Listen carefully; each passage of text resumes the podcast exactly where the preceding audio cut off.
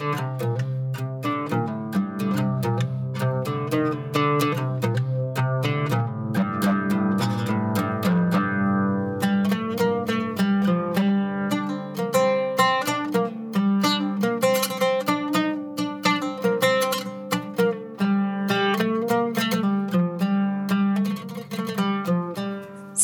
عليكم ورحمة الله وبركاته. نرحب بضيوفنا الأعزاء من مدراء الشركات وممثلي الوزارات والقطاعات الحكومية وجميع متابعينا عبر البث المباشر في لقاء نظام المحاكم التجارية الجديد استعراض ونقاش.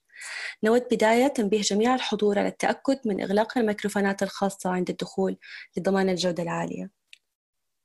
في لقائنا اليوم نستضيف نخبة من الأساتذة المحامين للحديث بشكل عام عن نظام المحاكم التجارية الجديد ومدى التطورات والتأثيرات التي تمت عليه. ضيفنا الأول هو الدكتور أحمد بصراوي محامي شريك في التميمي وشركائه متخصص في التقاضي تسوية المنازعات والذي تزيد خبرته عن 18 عام في المجال القانوني كما شارك في هيكلة وخصخصة عدة مشاريع صياغة قوانين وإعادة هيكلة وعمل كمحاضر في مجال التقاضي والقانون التجاري في جامعة جدة. أما ضيفنا الثاني فهو الأستاذ المحامي محمود الشنقيطي مؤسس محمود الشنقيطي للمحاماة والاستشارات القانونية. يمتلك خبرة مهنية لأكثر من 18 عام منها 15 عام كمحام مرخص كما يعتبر قيادي مهني في تطوير البيئة القانونية في السعودية. ضيفنا الثالث هو الأستاذ المحامي خالد السراحي مؤسس مكتب السراحي والذي تحول لشركة السراحي وأبو نجم محامون ومستشارون الأستاذ خالد متخصص في التقاضي التجاري وأعمال الشركات. أما ضيفنا الرابع فهو الأستاذ المحامي نصر البركاتي محامي ومدرب قانوني والمدير العام لشركة نصر البركاتي وشركائه للمحاماة ونائب رئيس لجنة المحامين والموثقين بغرفة مكة ومحاضر متعاون بجامعة أم القرى أترك المايك الآن مع زميلي عبد الرحمن. السلام عليكم ورحمة الله وبركاته. أهلا وسهلا بكم جميعا. نعتذر عن التأخير في بداية اللقاء. زي ما أنتم عارفين زوم جديد على الساحة وبنواجه أحيانا بعض المشاكل التقنية لكن بإذن الله يكون اللقاء في أفضل صورة وأحسن صورة في خلال اللحظات والدقائق القادمة. معكم أنا عبد الرحمن المشاط ونرحب بضيوفنا من مدراء الشركات وممثلي الوزارات والقطاعات الحكومية ومتابعينا عبر البث المباشر على منصة يوتيوب. وكما نرحب بمعالي القضاة وشركاء العدالة من السلك القضائي والمشاركين معنا اليوم. في البداية أود التحدث للحظات بسيطة وذلك للتعريف عن ما وراء القانون. هي مبادرة تسعى لإثراء المحتوى القانوني في العالم العربي للوصول إلى محتوى ذو جودة تطبيقية احترافية عالية. قدمت ما وراء القانون عدة مشاريع. أبرزها ما وراء القانون بودكاست. البودكاست القانوني الأول من نوعه في العالم العربي. أهلا بكم جميعا وأتمنى أن نقدم لكم لقاء مميز وإن شاء الله يرتقي لمستوى اللقاءات القانونية المميزة. توضيح بعض النقاط التنظيمية. أرجو ضيوفنا الكرام أنه تغلقوا المايكات وتكونوا متأكدين من إغلاق المايكات. بالنسبة لمشاركة الفيديو الأمر يعود لكم في حال حابين تشاركوا بالفيديو أو لا. سنخصص فقرات لأسئلة الحضور. حنعلن عنها في وقتها بإذن الله. ولكن طوال وقت اللقاء يمكنكم ارسال الرسائل الفورية عبر الشات فريق ما وراء القانون راح يتعامل مع هذه الرسائل ويرد عليها وحنسأل الأسئلة المرسولة في الرسائل في الوقت المخصص. أيضا وجب التوضيح بأن هذا اللقاء يستهدف مدراء الشركات ومدراء القطاعات التجارية. تعريف بالبدايه خلينا نقول إنه مقدمة عن لقائنا يشكل نظام المحكمة التجارية الجديد دعامة جديدة في سبيل تحقيق رؤية المملكة العربية السعودية ومن أبرز ما جاء في هذا النظام هو تطوير إجراءات إصدار الأحكام، الاعتراض عليها وحصر الترافع على المحامين وتقليص أمد التقاضي وتفعيل مفهوم إدارة الدعوة وغيرها. كذلك إشراك القطاع الخاص بالعملية القضائية. نظام المحاكم التجارية الجديد لم يدخل حيز التنفيذ بعد وسوف تصدر بخصوصه لائحة تنفيذية قريبا وهذا اللقاء سيكون عبارة عن استعراض ونقاش مبدئي موجه إلى مدراء الشركات ومدراء الأقسام التابعة لها. سوف يناقش ضيوفنا الأساتذة المحامين الذين تم ذكرهم وتعريف التعريف بهم سابقا. المحاور التالية كيف سيساهم النظام في تعزيز بيئة قطاع الأعمال التجارية وتطوير البيئة الاقتصادية، الجاهزية الداخلية للمحاكم في طور النظام الجديد وعصر التحول الرقمي، ومحورنا الأخير سيكون عبارة عن ما يهم أن تعرفه الشركات عن نظام المحاكم التجارية الجديد. في البداية راح نعطي المايك لدكتور أحمد بصراوي ليحدثنا عن خلفية موجزة عن الإطار الزمني للتقاضي التجاري في المملكة العربية السعودية. المايك مع الدكتور أحمد. السلام عليكم ورحمة الله وبركاته شكرا جزيلا على شكرا جزيلا لما وراء القانون ولفريق العمل وللإخوة الضيوف على هذه الفرصة الطيبة وحقيقة يعني في ظل الحظر اللي إحنا موجودين فيه يعني جيد جدا إنه الواحد يستفيد من وقته في شيء مفيد ويقدر يفيد به الآخرين. حقيقة النظام نظام المحاكم التجارية يعتبر نقلة نوعية كبيرة لنا في السعودية وهو استكمال لمجموعة من القرارات والأنظمة التي سبقتها. في عام 1350 صدر عندنا في السعودية نظام المحكمة التجارية. والتمس ذلك الوقت المشرع إنه الأعمال التجارية يجب تمييزها عن باقي الأعمال المدنية والخاصه التي يقوم بها الفرد العادي. نظرا لإنه في عدة عناصر لتميز العمل التجاري عن غيره وهي تترخص في ثلاثة نقاط صغيرة جدا بسيطة جدا هي الثقة ما بين التجار والسرعة لإبرام العقود التجارية التي تستلزمها العقود التجارية والائتمان اللي موجود بين التجار بحيث إنه يحتاجوا إلى وسائل إثبات قد تكون مختلفة عن غيرها في الأعمال المدنية. فجاء نظام المحكمة التجارية وأسست الدولة بعد كده هيئة حسم المنازعات التجارية ثم تم إيقاف هذه الهيئة وانتقل السلطة التقاضي القضاء التجاري تحت مظلة ديوان المظالم ثم انتقل من ديوان المظالم إلى القضاء العام. هذا قبل تقريبا ثلاث سنوات أو سنتين ونص تقريبا وصار يخضع إلى نظام مرافعات الشرعية اللي هو نسميه النظام الأم لجميع إجراءات التقاضي في المملكة العربية السعودية. لأنه نظام الأم بمعنى أنه أي نص لم يوجد في نظام مرافعات أمام ديوان المظالم في نظام الإجراءات الجزائية يتم تطبيق أو إعمال نظام مرافعات الشرعية. لذلك يسمى نظام مرافعات بنظام الأم. فالنظام هذا يعتبر استكمال لجهود سابقة ول لتعزيز مبدأ وفقه قانوني راسخ وقديم ألا وهو القانون التجاري فرع خاص مستقل له خصوصية خاصة وأهمية كبيرة جدا في الأعمال الاقتصادية داخل الدولة. هذا اللي يعني أتمنى أن أكون أديتكم نبذة ليش القانون هذا موجود الآن. أستاذ خالد نوجه لك السؤال في ضوء الممارسات التجارية في السنوات الماضية ظهرت بطبيعة الحال بعض المشاكل إذا ممكن تقول لنا عن أبرز المشاكل اللي كانت تواجه الشركات قبل صدور النظام الجديد وأثر النظام الجديد على ذلك. طيب في البداية أشكركم على الاستضافة وجوابا على السؤال في مشاكل موجودة كانت في السابق تواجهها الشركات وحلها النظام الحالي وبعض المشاكل ما زالت لم تحل سنتحدث عن المشاكل تم حلها بصدور النظام الجديد اللي هو نظام المحاكم التجارية. يعني أهم المسائل اللي فصل فيها النظام اللي هي مسألة الاختصاص. كان هنالك مشكلة تنازع في الاختصاص من تنازع الاختصاص السلبي. آه يعني كان في غموض في مسألة بحث مسألة الاختصاص. آه هل المحكمة التجارية هي المختصة بنظر النزاع؟ هل المحكمة العامة؟ أم هي جهة أخرى قضائية تنظر هذا هذا النوع من النزاع؟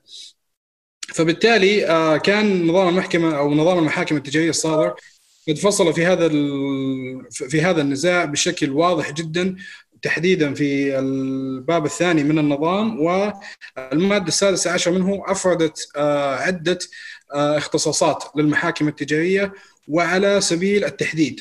فبالتالي هذا قضى على مشكلة كبيرة كانت تواجهها الشركات في مسألة الاختصاص هل هو فعلا كما تحدثنا هل هو اختصاص محكمة تجارية أم محكمة عامة؟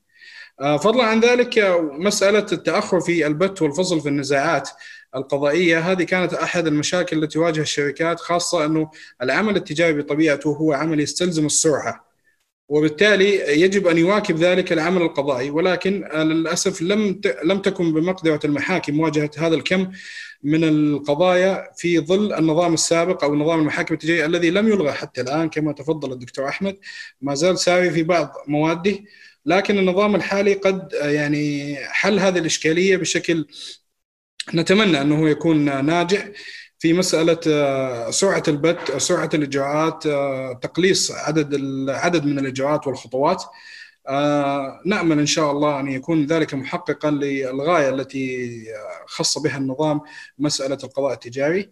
آه، فضلا على يعني ممكن نتحدث أخيرا على مسألة جمود النصوص في مسائل الإثبات بشكل عام. يعني كانت مسائل الإثبات آه، للشركات تواجه مشاكل كثيرة في مسألة إثبات الحقوق وما إلى ذلك. آه الآن إن شاء الله بوجود عدد من المواد وخاصة في موضوع الإثبات الإلكتروني والذي يعني يعالج يعالج إن شاء الله شيء كثير في مسألة الإثبات القضائي آه في مسألة اليمين، الكتابة، الشهادة، الإقرار ما إلى ذلك من امور كلها قد عالجها النظام بطريقة لعلها أكثر مرونة مما سبق ليتلافى مسألة الجمود الذي كان موجود في النصوص السابقة وتحديدا في نظام المرافعات الشرعية الذي لا يتناسب مع طبيعة الأعمال التجارية في المملكة. هذا تقريبا يعني يمكن أبرز المشاكل التي أراها إن هي تواجه الشركات واستطاع نظام المحاكم التجارية الجديد آه، تجاوزها. يعطيك العافية أستاذ خالد. ننتقل لمحورنا الثاني. بنتكلم عن الجاهزية الداخلية للمحاكم في طور النظام الجديد وعصر التحول الرقمي. آه، نبدأ معك أستاذ آه، نصر. إذا ممكن تعطينا نبذة عن أوامر الأداء آه، إيش هي أوامر الأداء وأساليب الاتفاق ما قبل التقاضي؟ أسعد الله مساكم. في البداية نرحب بالحضور الجميع والمتابعين. ونشكر الأستاذ عبد الرحمن والأخت سلوى على إتاحة الفرصة في هذا الحديث في هذا اللقاء. بإذن الله تعالى سيكون إن شاء الله لقاء ثري لنا وإن شاء الله والباقي وللزملاء إن شاء الله الافاضل. طبعا أوامر الأداء هذا المصطلح أتى في فصل من فصول نظام المحاكمه التجارية مصطلح مستحدث على على مستوى القضاء السعودي. يعني مصطلح أوامر أداء لم يكن يعرف إلا في هذا النظام. طبعا بشكل بسيط مبسطه لاجل استهداف الشركات أوامر الأداء هي ورقة مثبت فيها حق شخص لشخص معين شخص آخر الورقة طبعا يجب أن يكون فيها بيانات محددة آه، شروطها اشترط المنظم السعودي شروط معينة. قال أول شيء لازم يكون الأوامر الأداء يجب أن يكون كتابيا. يعني يجب يجب أن تكون الورقة المثبتة هذه كتابة. اثنين يجب أن يكون الدين حالا. ثلاثة يجب أن يكون الدين محدد. يعني سواء محدد نقدي أو محدد من ناحية وصفه إذا كان منقول بعدد أو بكمية يستطيع القاضي أن يصدر حكم بذلك. واشترط المنظم أن يكون هنالك مرفق معه مرفقات، يعني نفس الورقة هذه ورقة الأداء يكون في اشتراطات وبيانات تثبت منها شرح للواقعة وبيانات المدين وكذلك بيانات أخرى ستحددها اللائحة. الشرط الذي يقبل فيه الطلب شكلا يجب أن يكون إشعار إخطار للمدين قبل موعد تقديم الدعوة بخمس أيام ويجب أن يكون الإشعار يتضمن جزئية إنه سوف أتقدم إلى المحكمة في اليوم الفلاني يعني لازم قبلها بخمس أيام. تقديم الطلب هذا هذا أمر استثنائي. تقديم الطلب هذا أمر استثنائي في النظام لا يعتبر دعوة ترافعية إنما استثناء لأجل أن الحق واضح. فيتقدم ويجب على المحكمة خلال العشر أيام الفصل في هذا الطلب. يا إما بالموافقة ويستحصل فيه هذا الأمر المعذرة في انقطاع. يا اما يستحصل فيه أمر وهذا يصدر فيه قرار يا اما يكون رفض والرفض يكون نهائي يعني غير قابل للاستئناف أو الاعتراض. فالمفيد في أوامر الأداء جميع كثير من الشركات ورجال الأعمال حقوقهم ثابتة ويتبعون منهجية الأوراق والمستندات والمراسلات وثبات الحق. لكن إجراءات المحاكم تطول لكن الحق ثابت في هذه الورقة. فتدوين الورقة هذه وتركيز الأشخاص بعمل منتج معين من الشركات ورجال الأعمال يسهل عليهم الحصول على الحق. آه، أشار النظام أيضا انه يحق للمدين الاعتراض على هذه الورقة بتظلم لكن أمر الأداء نافذ. النظام جعل أن ورقة الأداء هذه تعتبر ماضية في التنفيذ ومستمرة ولا يجوز للمدينه التظلم الاعتراض عليها إنما التقدم بتظلم خلال 10 أيام.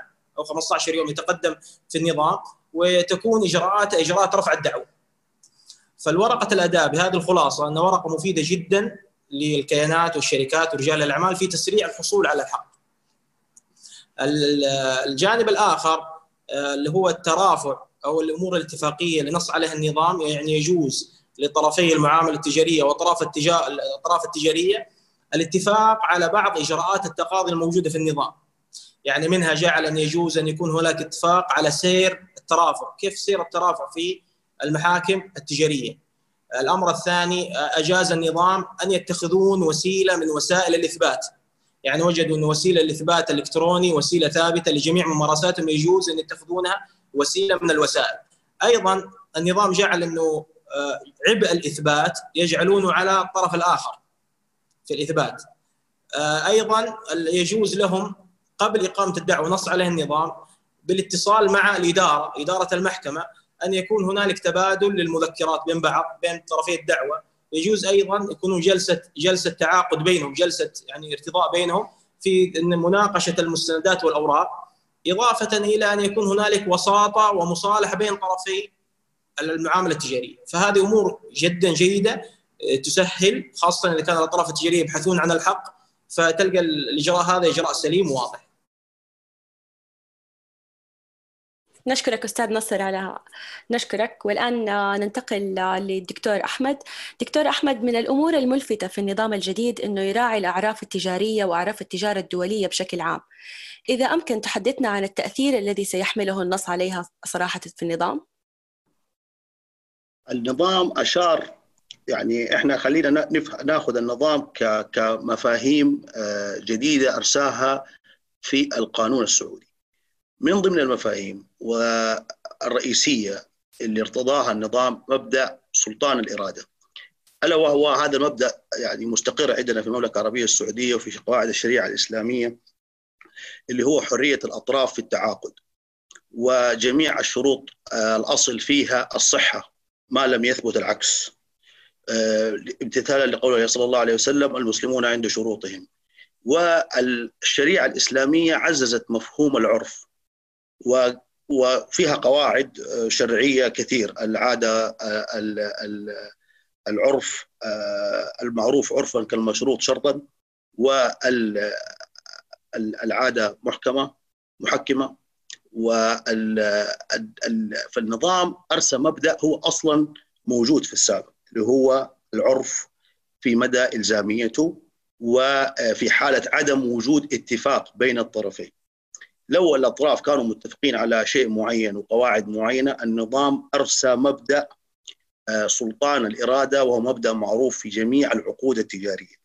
فمثلا يجوز للأطراف إنهم هم مثلا لو كان عندهم بيع دولي يرجعوا لقواعد الاتفاقية فيينا للبيوع الدولية أو قواعد ال lex mercatoria الأعراف التجارية الدولية في منظمة اليونيدرو أصدرت آه، قواعد أيضا فهذه الأشياء أصبحت متاحة للأطراف انهم هم يتفقوا عليها. والنظام كان يعني آه، آه، منفتح على على على هذا الشيء بشكل واضح جدا. فالنظام أتاح بشكل كبير للأفراد إنهم هم يتفقوا. مما يستلزم على الأطراف إنهم يدرسوا عقودهم واحتياجاتهم بشكل قانوني جيد حتى يتفادوا أي عثرات وتأخير للنزاع. فالآن النزاع الآن أو النظام اللي أمامنا يقول لنا إذا أنت كنت متحضر بشكل جيد كنت آه، صايغ عقودك بشكل محترف وكنت مطلع على ال ال بمساعدة مستشار قانوني مخضرم آه، تستطيع إنك أنت تبت في نزاعك بشكل سريع وفعال. فالنظام افترض انه الاطراف اللي هم التجار اللي هم في النزاع التجاري ناس بالغين راشدين يعلمون أن لدد الخصومة لا ينبغي أن يكون بين التجار. النظام افترض حسن النية بين الأطراف وفرض عليهم إنهم هم يخضعوا لقواعد مثل المصالحة مثل ال إنهم هم يجلسوا على طاولة ويتناقشوا وارسى مفهوم مهم جدا زي ما تفضل الأستاذ نصر البركاتي اللي هو مبدأ اللي يسموه مبدأ جديد في إدارة الدعوة. وهذا المبدأ موجود في كل الدول المتقدمة وكنا حقيقة ننتظره بشغف في السعودية وصار موجود عندنا اللي هو ال discovery اللي هو إنه ال discovery إنه جميع الأطراف يفصحوا عن ما لدى يجلسوا مع بعض ويفصحوا عن ما لديهم. من أدلة ومستندات ويناقشوها في مرحلة مبكرة في النزاع بحيث إنه لا لا يخضع تخضع الخصومة إلى التكتيك سيء وهو إخفاء المستندات لآخر لحظة. فيبدأ كل طرف إيش اللي بيطول أمد النزاع عندنا في السعودية؟ اللي بيطول أمد النزاع إنه كل طرف يحتفظ بالأدلة ويطلعها في وقت مختلف عن الثاني. فيعني مثلا بناء على الدفع اللي أنت ستقومي به ضدي حقوم أنا أبرز مستند يدحضه فحننتظر والنزاع قد يأخذ عدة تأجيلات ما لها لزوم. فالآن النظام قال لك لا أنت لابد وهذا العنصر لازم يذكروه الأطراف في اتفاقهم العقدي إنه بند تسوية المنازعات يفصل الإجراءات ويفصل القواعد التي سيمتثل إليها إنه أنت من البداية تفصح عن جميع ما لديك من مستندات. مرتبطة بالنزاع. وهذا الشيء حيكون جدا مهم. النظام أيضا اعترف بمبدأ بمبدأ بمبدأ موجود في القانون الدولي اللي هو مبدأ الإغلاق اللي هو ال estoppel اللي هو اللي هو المبدأ إنه لا يجوز لك الرجوع عن إقرار أو تغير مسار الدعوة. بمعنى هو موجود عندنا في القانون باي ذا هنا في السعودية ولكن الآن أصبح أكثر وضوحا. فانه القاضي يستطيع انه هو يقتنص الإقرار القضائي من مذكراتك اللي أنت حتتقدم بها ولا يجوز لك الرجوع عنها. فبالتالي إدارة الدعوة لابد أن تكون من خلال محامي متخصص. محامين يعلمون فعلا ما يقومون به وهذا طبعا موجود عندنا الحمد لله في السعودية. ولأنه الدعوة أصبحت إدارتها تحتاج إلى تطبيق واعي. والعرف والأعراف الدولية إحنا ماشيين في هذا النسق. إحنا ماشيين في نسق مجاراه الدول المتقدمة في إدارة الدعاوى التجارية وتطبيق المبادئ التجارة الدولية اللي هي موجودة في عدة أماكن زي ما تفضلت يعني زي ما وضحت لكم سابقا في اليونيدرو في ميكس ماكيتوريا في كذا في كذا جانب من هذه الأمور.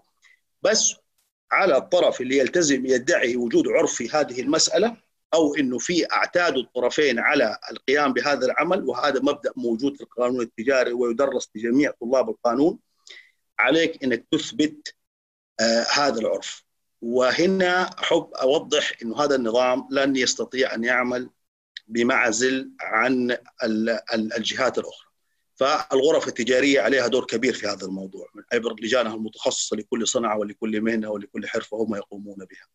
لابد يكون عندنا مؤسسات مجتمع مدني أو نقابات آه النقابات هذه اللي هي الهيئات المتخصصة في عدة مجالات إن هي تدون هذا الأعراف وتجعلها متاحة لجميع الأطراف. زي مثلا الهيئة السعودية للمقاولين عليها دور كبير في هذا، الهيئة السعودية للمهندسين عليها دور كبير في هذا، هيئة المحاسبين عليها دور كبير في هذا، لجنة الجواهرجية مثلا، لجنة الذهب، لجنة المخلصين الجمركيين، هذا دور كبير عليه فإحنا نأخذ إنه هذا النظام هو نواة لباقي أجهزة الدولة أن لأجهزة الدولة وأجهزة المجتمع والتجار والمهتمين والأكاديميين إنه هذا النظام لن يعمل منفردا، لابد من جميع الناس أو جميع الأجهزة تتكاتف في في إنجاح هذا النظام. وحقيقة هي الم... النظام يعني ملفتني بشكل كبير إنه هو أفترض إنه الطرفين عاقل يتمتعون بقدر عالي من الحكمة في إنهاء النزاع فيما بينهم وإلا سيكون النظام مترصد لهم بحيث إنه النظام أتاح للقاضي في حالة المماطلة إنه هو يحط غرامات على الطرف المماطل يحط عليهم جزاءات. فأنا أتصور إنه إنه إنه إنه النظام يعني ماشي في فلك وكوكب في في في في نفس توجه الدول المتقدمة إن لم يكن أفضل نتيجة التقدم التقني اللي عندنا موجود في السعودية بفضل الله سبحانه وتعالى وكفاءة القضاء السعودي وجميع العاملين في الجهاز العدلي. طيب دكتور أحمد أنت ذكرت على مبدأ سلطان الإرادة وذكرت عن حدود التقنين فهل التقنين لو سلطان الاراده المبدأ هذا كان مقنن حيأثر على عملية التقاضي؟ أه ما أعرف أنا لو فهمت سؤالك صحيح بس هو مبدأ سلطان الإرادة هذا تقدر تستشفه من النظام يجوز للأطراف أن يتفقوا ويجوز للأطراف أن يتفقوا ويجوز للأطراف أن يتفقوا حتى في المسائل الاجرائيه آه، كانت العادة متروكة للمحاكم. الآن سوف نرى نماذج جديدة من عقود جديدة متضمنة آه، بند لتسوية المنازعات مختلف تماما عن البنود السابقة. زمان كنت ترى يخضع هذا القانون للقانون السعودي وفي حالة وجود أي نشب أي خلاف بين أي طرف من الأطراف أن يلجأوا إلى المحكمة المختصة ونقطة وقفل البند. الآن لا ستجد أشياء جديدة ستجد أشياء مرتبطة بالإثبات ستجد أشياء مرتبطة بالاجراءات الإفصاح آه، فأنا أتصور إنه المبدأ أصلا مبدأ سلطان الإرادة هو مبدأ يعني أنشئ في المدرسة الحنبلية من من من ألف سنة. الحنابلة يرون من زمان إنه الأصل في الشروط الصحة أن الشروط جميعها صحيح ما لم ما لم ينص على مخالفة للشريعة الإسلامية. وهذا يعني قليل جدا في العقود التجارية ما حيكون إلا في شرط مرتبط بربا أو بغرر مسائل يعني ما هي جدا آه، متكررة بشكل كبير. فأنا أرى انه هذا النظام آه، يكرس مبدأ القانون التجاري المبدا رهيب مهم جدا في التجارة الدولية وهو مبدأ سلطان الإرادة الأطراف. بس لابد انه هذه الأطراف تكون إرادتها آه، آه، ناضجة تكون إرادة تتمتع بكامل الأهلية المطلوبة بأن هي تعي احتياجاتها ومتطلباتها وذلك من خلال الاستعانة بالمختصين. في نفس الصناعة والمحامين القانونيين المتميزين، فمثلا لو كان عقد هندسي فأنت تتكلم على مهندس يعلم الشروط الفنية بشكل مفصل، على قانوني يستطيع يضع عناصر ال ال ال ال يتنبأ بالمشاكل التي قد تنجم عن هذا العقد ويضبط اللغة ويضبط المنهج، فأنا أتوقع التاجر اللي حيدخل في حيكون مستعين بهذه الأمور في ظل وجود نظام المحكمة المحاكم التجارية الجديد حيكون النزاع بالنسبة له أقل ارهاقا بكثير مما هو معمول به الآن. جميل جدا. شكرا لك دكتور أحمد. يعطيك العافية. نعود لك أستاذ نصر. إذا ممكن تعطينا بشكل أكثر دقة نبدأ عن هيكلة الدعوة طريقة رافع واجراء الاستئناف والأحكام بالنسبة للنظام الجديد. النظام الجديد يعني أورد كثير من الأنظمة. الهدف الأسمى فيها هو تسريع إجراءات التقاضي بما يكفل فيها الائتمان والثقة بين الأطراف ويعرفون الأحكام تخرج بصورة سلسة وسريعة. طبعا من إجراءات الدعوة في البداية طبعا النظام جعل إن إجراءات قيد الدعوة أول شيء جعل إن الإدارة لها سلطة معينة بناء على آه، شروط محددة في النظام وحتحددها اللائحة إن شروط معينة في الدعوة. يعني الدعوة يجب أن تكون مستوفية الاجراءات. سابقا لما كان نقدم إلكتروني أو نقدم سواء ورقي كان عدد الصفحات عدد الحروف يعني محدود وعدد الدعوة وكان أكثر المترافعين لا يحددون الطلبات أو لا يحدد عفوا لا يحددون المستندات في الدعوة، لكن النظام الجديد جعل يجب أن الدعوة تكون مستوفية جميع الإجراءات. ويجب على الموظف أن يتأكد من هذه هذه الاشتراطات كلها في قيد الدعوة. وأعطى النظام للإدارة نفسها أن خلال إذا كان الطلب غير مستوفي أن توجه له باستيفاء الطلبات إذا رفض من حقه التوجه إلى رئيس المحكمة خلال 15 يوم من تاريخ الرفض التظلم من عدم قيد الدعوة لإشكالية يراها. فالنظام جعل إنه رئيس المحكمة هو القاضي المكلف من قبل رئيس المحكمة النظر في التظلم هذا ويكون القرار فيه قرار نهائي من قبل الإدارة. هذا طبعا أمر مستحسن جدا من المنظم أن يكون هنالك فيه قيد مهم أن تكون الدعوة مستوفي جميع الإجراءات. الأمر الثاني كان أول هنالك إرهاق من قبل دوائر المحاكم كلها مسألة الدعوة الجماعية. سابقا كانت الدعوة لا تقبل إلا من شخص واحد ضد شخص. حتى لو كانت آه، مثلا 20 شخص أو 30 شخص ضد شخص واحد لا كل قضية تروح لقاضي منفصل. لكن النظام الجديد جعل اسس مسألة هي مسألة الدعوة الجماعية. أن تكون جميع الموضوع أو الوقائع إذا كان مع شخص واحد والسبب والموضوع واحد فتقام ضد الشخص هذا وستحدد اللائحة تفصيلا. هذا من الأمور المستحسنة في قيد الدعوة. أيضا آه، في بعض الأمور سيحددها ستحددها اللائحة يجب عليك أن تخطر اللي هو آه، تخطر المدة عليه قبل إقامة الدعوة ب 15 يوم. هذا طبعا موجودة في بعض الدول المجاورة آه، يجب أن قبل إقامة الدعوة أن يكون في إخطار بأنه سوف يتقدم للمحكمه، العبرة فيها تسريع أداء الحق أيضا لا يتجه لمسار التقاضي ويستطيع أن يكون المدعي ان يدفع هذا المال. من الأمور المستحسنة جدا في قيد الدعوة سابقا لن تستطيع أن تقدم دعوة إلا بطلب واحد أو طلب يعني مرتبط وإن يكون طلب عاجل. لكن النظام الجديد لا جعل أن يكون أن تحدد جميع الطلبات اللي عندك. جميع الطلبات اللي توجهها ضد المدعي وكذلك جميع المستندات تحددها في هذه الدعوة حتى أن تكون الدعوة مستوفاة من جميع تفاصيلها. هذا من ناحية قيد الدعوة. طبعا آه، من المستحسن أيضا الأمور الإضافية والمستحدثة في إجراءات الترافع. في إجراءات الترافع أن يكون هنالك آه، إدارة مستقلة تهيئ الدعوة للدائرة. يعني قبل أن تتجه للدائرة في إدارة مختصة وتفصل فيها اللائحة تفصيلا بينا. من ناحية انه يكون تبادل المذكرات التبليغ من ناحية الأوراق أيضا إعداد. وهذا طبعا ما نص عليه في النظام. ان ان يكون هنالك أعوان للقضاه من خريجين الشريعة وخريجين الأنظمة يستفيد فيهم في مسألة إعداد تقرير كامل عن الدعوة. هذه إضافة ممتازة جدا أن قبل أن تحيل القضية للقاضي أن هنالك يكون أو الدائره عفوا أن هناك تحديد لتقرير كامل عن الدعوة. فتحال هذه من الأمور المستحسنة.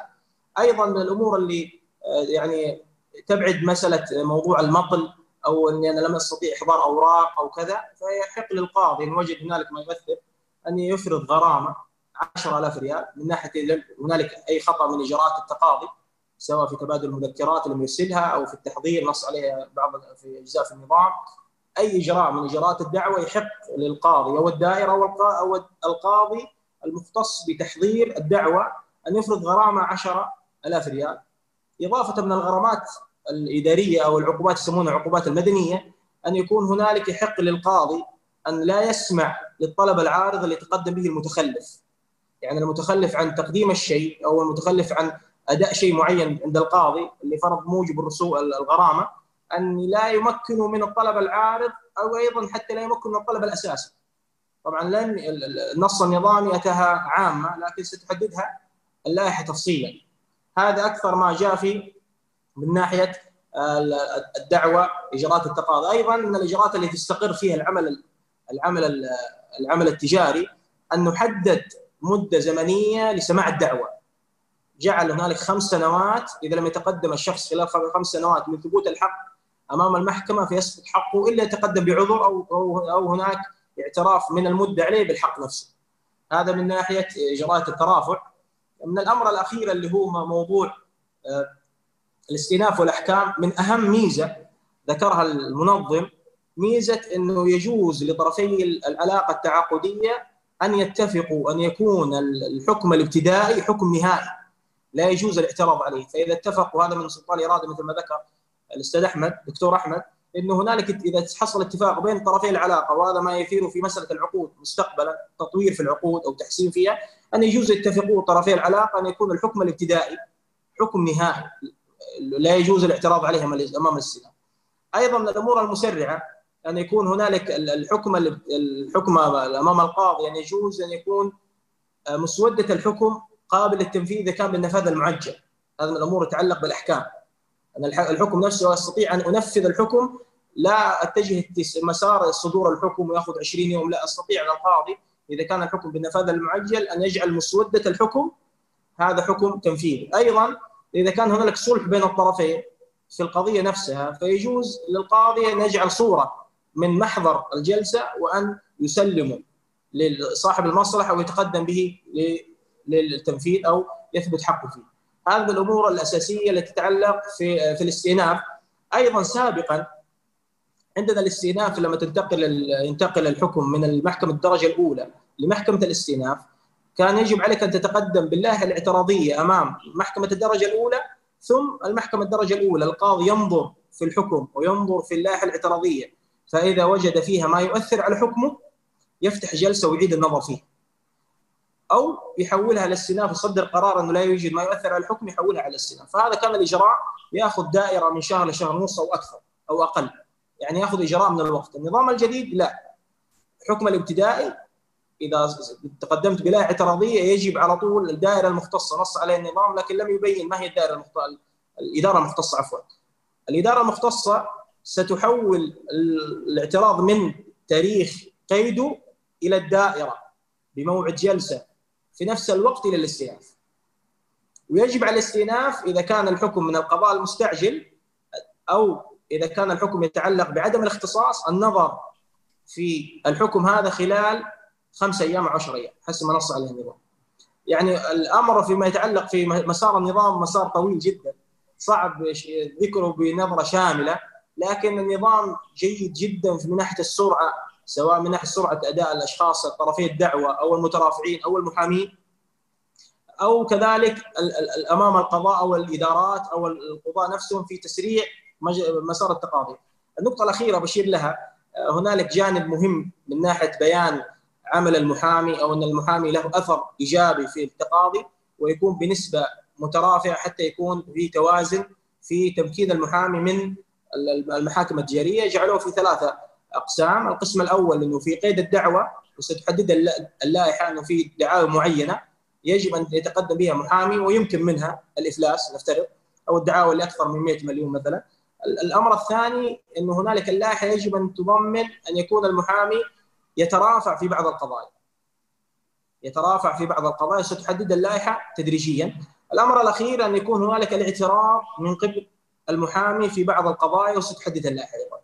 الجميل كذلك في النظام أنه جعل كثير من القواعد الأساسية تفسيراتها وضوابطها وتغير الزمن وتغير التحول الإلكتروني جعل أن هنالك كلها تحال إلى اللائحة لسهولة مرونة وتحويل النظام إلى يعني تعديل في النظام بسرعة فائقة. جميل هذا ما أراه في ناحية الإجراءات. إذا ممكن أستاذ نصر في أسئلة من من الحضور في سؤال موجه لك أستاذ ناصر بسؤال كنصا هل حجية أمر الاداء مثل سند الأمر؟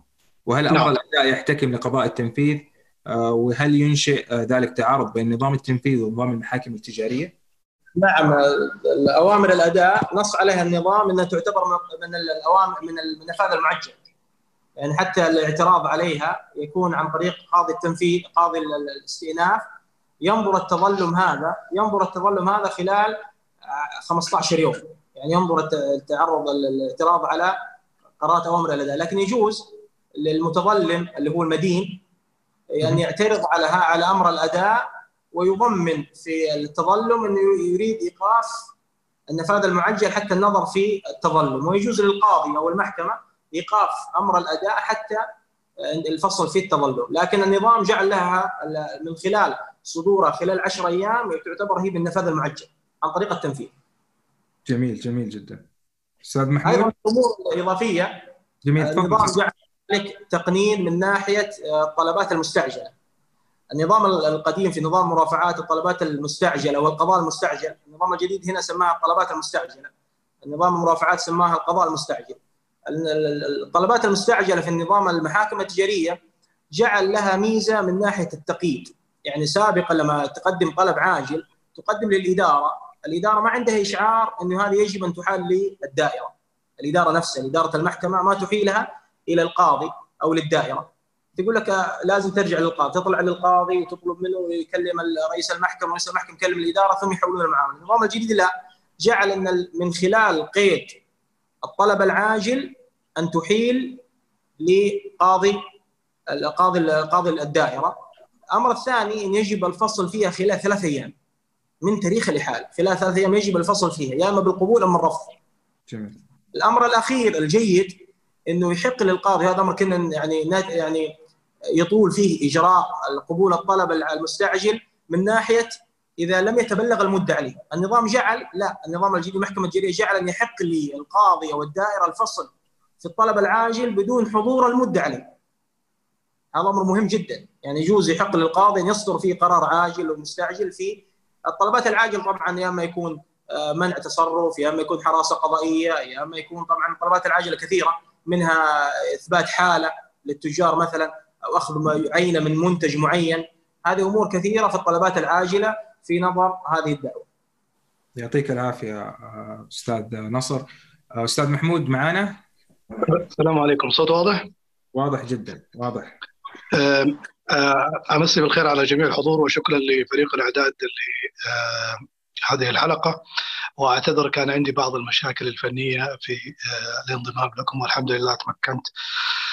من إني أتشرف بالانضمام إليكم. أهلا فيك.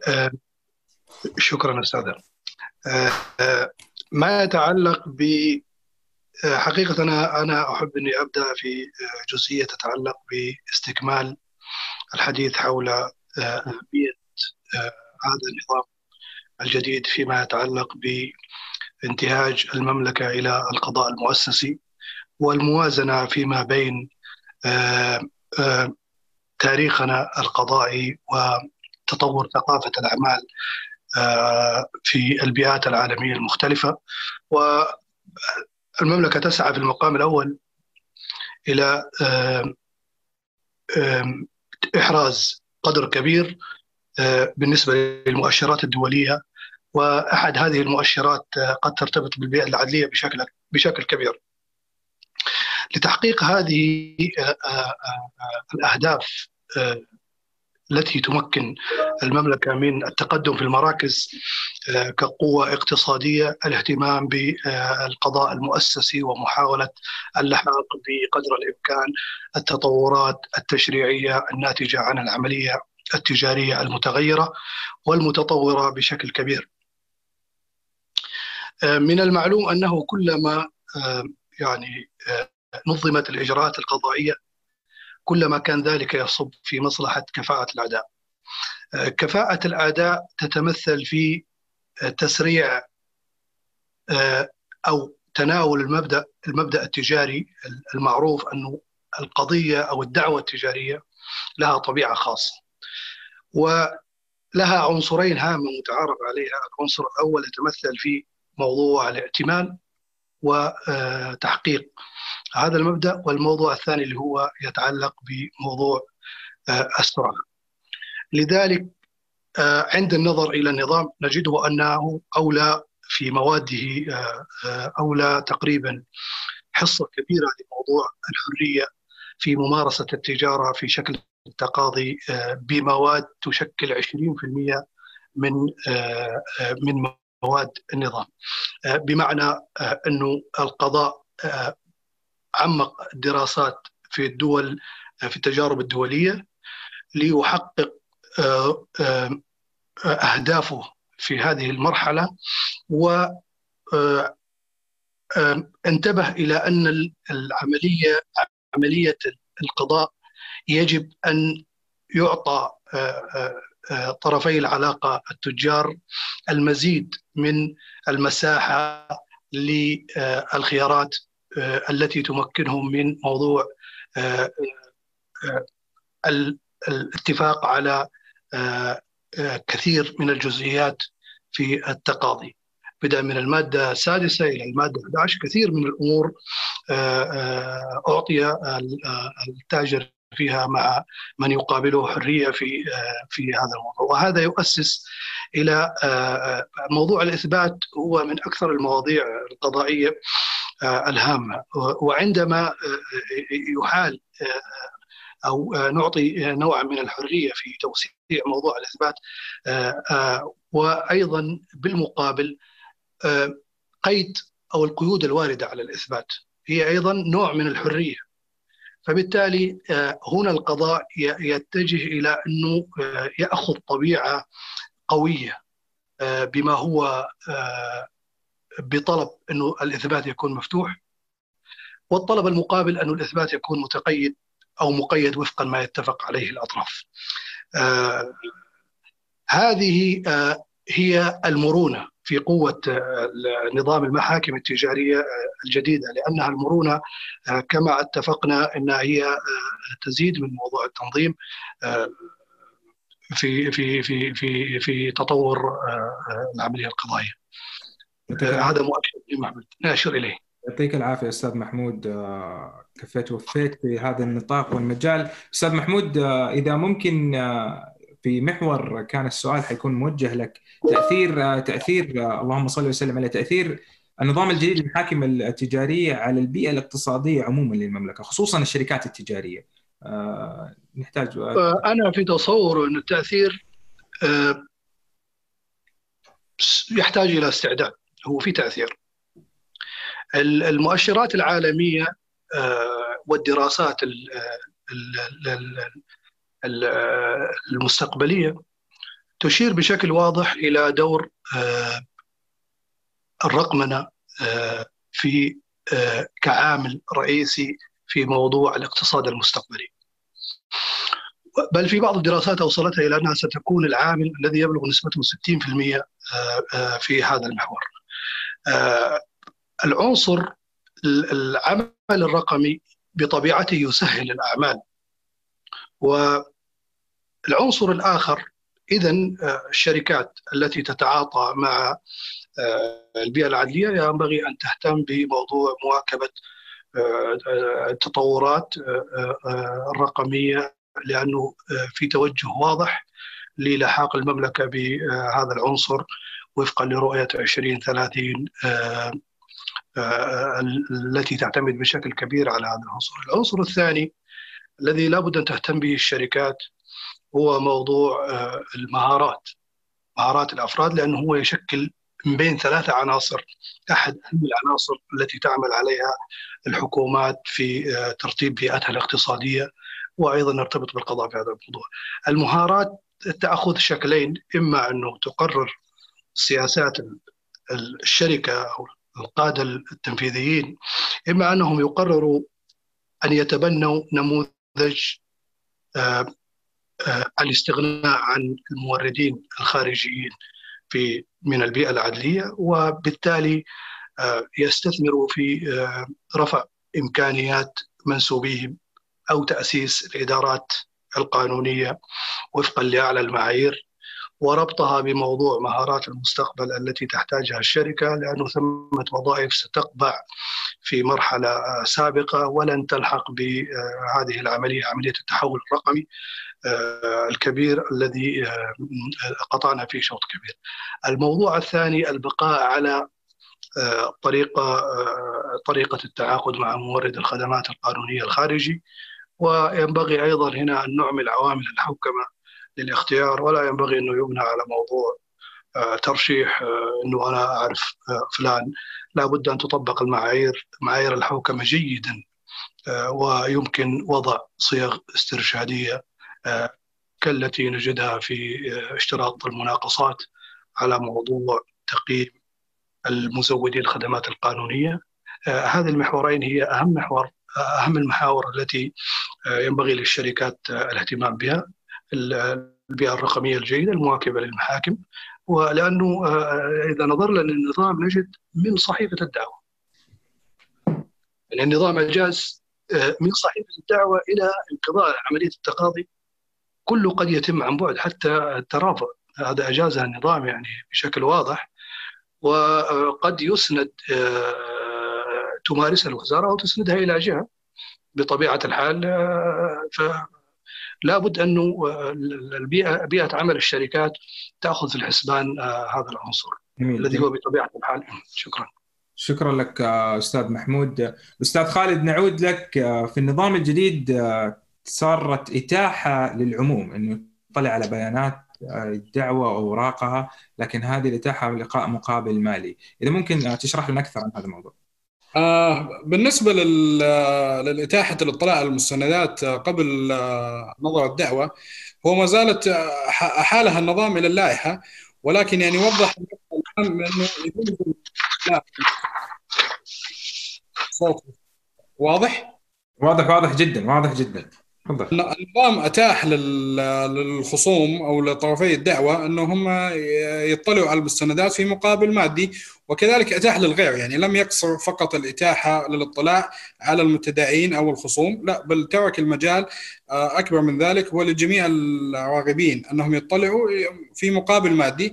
ولكن آه، أيضا أعطى ضمانة للمتداعين في أنهم آه، يضفوا على بعض المستندات السرية أو طابع السرية بحيث لا يكون آه، تسريب هذا المستند والاطلاع عليه قد يسبب أضرار لاحقة على صاحب المستند. جميل جدا. طيب أستاذ خالد فيما يخص الإخطار إحنا عارفين إنه الآن في وجوب إخطار المدعي المدعي عليه كتابة بأداء الحق قبل 15 يوم من إقامة الدعوة، هذا الآن أصبح الموضوع واجب، إذا ممكن توضح لنا موضوع وجوب الإخطار بالنسبة للشركات. كما كما تفضل الزملاء مسألة انه النظام أحال إلى إلى اللائحة التنفيذية كثيرا في مواضع عدة. آه ذلك يعني أنا أرى إنه هو في من باب المرونه يعني لو أحتاج الموضوع إلى تعديل يكون التعديل في اللائحة التنفيذية أكثر مرونه من تعديل النظام لأن التطلب آه، تعديل النظام يتطلب آه، صدور مرسوم ملكي آه، بشأنه. أما فيما يخص تعديل اللائحة التنفيذية فيصدر قرار من الوزير بتعديلها طبعا بالتنسيق مع المجلس الأعلى للقضاء آه فبالتالي آه لا لا لم تتضح الصورة تماما في مسألة في مسائل كثيرة إجرائية لأن النظام كما سبقت آه وذكرت أنه أحال إلى اللائحة التنفيذية. لكن مسألة الإخطار هو المفترض انه يكون في إخطار كتابي آه موجه من المدعي. للمدعي عليه قبل آه بدء في رفع القضية بمدة 15 يوم وهذا في موضوع القضايا. أما في موضوع أوامر الأداء فهو بخمسة أيام. حددها النظام أنك تتقدم للمدعى عليه بموجب إشعار كتابي أنك ستتقدم للمحكمة في اليوم الفلاني لكن يجب أن يكون هذا الإشعار قبل خمسة أيام على الأقل من التقدم للمحكمة. هذه هي فقط الحالتين آه، بالنسبة لإجراءاتها آه، ليست واضحة الحالة حاليا. آه، جميل. أستاذ خالد أيضا عندنا في سؤال هذا السؤال جاي من من الحضور بخصوص الغرامة. آه، الغرامة المذكورة في النظام انه هناك 10000 ريال. هل هي محددة بمبلغ 10000 ريال أم هناك تفصيل آخر ممكن تذكره اللائحة أو هي مذكورة في النظام؟ آه، النظام ذكر أنه لا يتجاوز بما لا يتجاوز ال 10000 ريال بمعنى أنه يمكن أن يكون مبلغ أقل من ذلك ولكن الحد الأقصى لذلك هو ال 10000 ريال. طبعا بما آه، لا يخالف أو يعارض نص آخر في نظام مختلف. يعني إن كان هنالك نظام آه، آخر نص على عقوبة مختلفة على هذا الفعل فتطبق عليه العقوبة الثانية بما لا يتعارض مع العشرة آلاف ريال الغرامة جميل شكرا لك أستاذ خالد. لدينا مداخلة من الدكتور محمود المدني ليحدثنا عن الدور الوقائي للمحامي في ظل نظام المحكمة التجارية. أترك المايك مع زميلي عبد الرحمن. عبد الرحمن. آه، الدكتور محمود معنا؟ السلام عليكم. وعليكم السلام ورحمة الله. تفضل دكتور محمود. الله يسلمكم. أول حاجة أشكركم جزيلا فريق ما وراء القانون. آه، جهود جميلة وتنسيق لهذا اللقاء. وجميع آه، المتكلمين والحضور. الله يديكم العافية وجزاكم الله خير. أنا عندي آه، مداخلة بسيطة ما تخرج عن الدائرة اللي رسمها الزملاء لكن يعني للاطلاع على النظام بشكل مختلف. فبقول لو إنه اطلعنا على النظام بشكل ميداني وعكسنا السوق والأعمال التجارية اللي موجودة حنجد إنه النظام أعطى فرصة كبيرة جدا لدور المحامي قبل الإجراءات القضائية. يعني بمعنى آخر عمق مفهوم ودور المحامي قبل الصراعات اللي ممكن أن تنتقل إلى المحاكم. وبمعنى آخر فهو دور وقائي هذا الدور الوقائي اللي تم تفعيله جاء على سبيل الحرية والمرونة في الاتفاق. فإذا أعطيت لاطراف العملية التجارية حرية ومرونة في الاتفاق فحيكون مجال المحامي كبير جدا في الصياغة.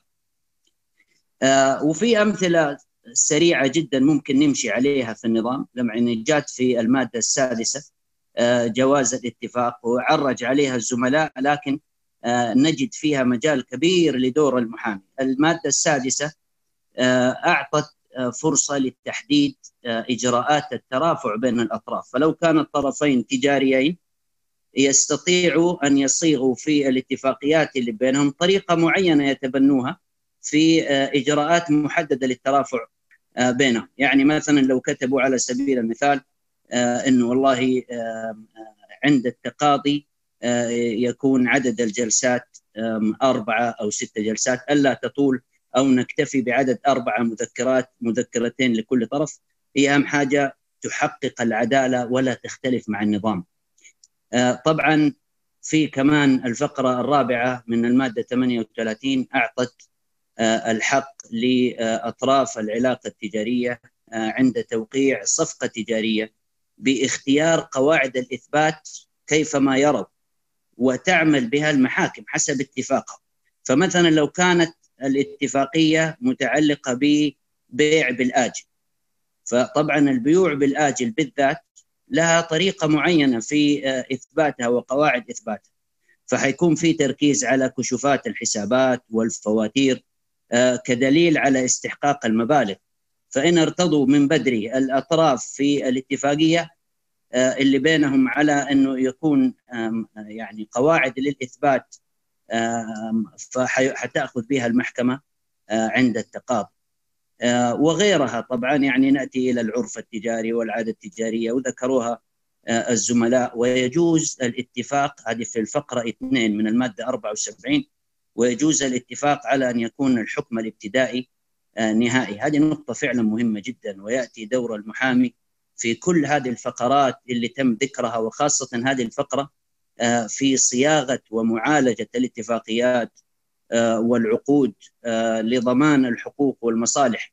فطبعا أنا أعتقد النظام ما جاء فقط علشان يعني يرسخ العملية القضائية وكيفية القيام بإجراءاتها بل على العكس تماما هناك دور وقائي كبير جدا للمحامي يكون قبل عملية التقاضي فطبعا وهذا يمكن يرسخ فكرة وقاية المحامي خير من علاج المحاكم. وأخيرا يعني على عجالة أصل لنتيجة معينة مهمة قد يكون لسان حال نظام يعني وإن نطق سيقولها ستوفر الشركات كثيرا من الأموال عند التعاون واخذ المشورة القانونية من المحامي قبل الذهاب إلى القضاء لأنه فعلا في مجال كبير ومرونة كبيرة للمحامي أن يصيغ الشيء الآخر إنه سيقوي موقف الشركة.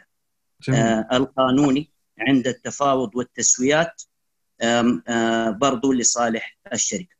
جميل. دكتور محمود تعقيبا فقط على كلامك من ناحية اقتصادية تتوقع دكتور إنه هذه الحرية بتحديد الإجراءات حتأثر على اللجوء إلى التحكيم التجاري؟ تعتبر إنه كثير من الشركات تفضل اللجوء إلى التحكيم عن المحاكم؟ طبعا التحكيم التجاري كان في رغبة كبيرة جدا من الشركات إنها تذهب لي يعني الوقت وتوفير الوقت وعدم الخوض في إجراءات القضاء على يعني فترات طويلة جدا. الآن إن كان النظام بيسرع لك الإجراءات، إن كان النظام وفر عليك الوقت في التقاضي، فعندما تتقاضى أنت عارف الإجراءات وتم الاتفاق على قواعد الإثبات وتم الاتفاق على مجموعة كبيرة من الأمور قبل ما تروح إلى المحكمة، فأنت سهلت على القضاء أن يصل إلى حكم في غاية السرعة. فأنا أعتقد نظام المحكمة التجارية يعني سيجعل اطراف العملية التجارية أو كثير منهم خلينا نقول كثير منهم يفضل الذهاب إلى المحكمة بدلا من التحكيم.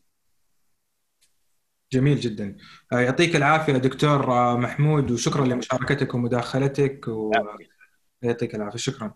ننتقل إلى محورنا الثالث لهذا اللقاء وهو محور يهم الشركات، راح نتحدث مع محاورينا عن كل ما يهم أن تعرفه الشركات عن نظام المحاكم التجارية.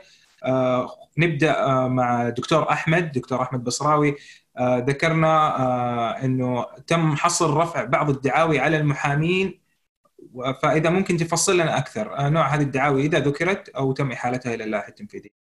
النظام أحال إلى اللائحة في هذا الموضوع ولم يذكر لنا تحديدا كيف ما هي الآلية أو ما هي الدعاوي؟ يعني هل هي حتكون بمعيار قيمة الدعوة أو نوع الدعوة؟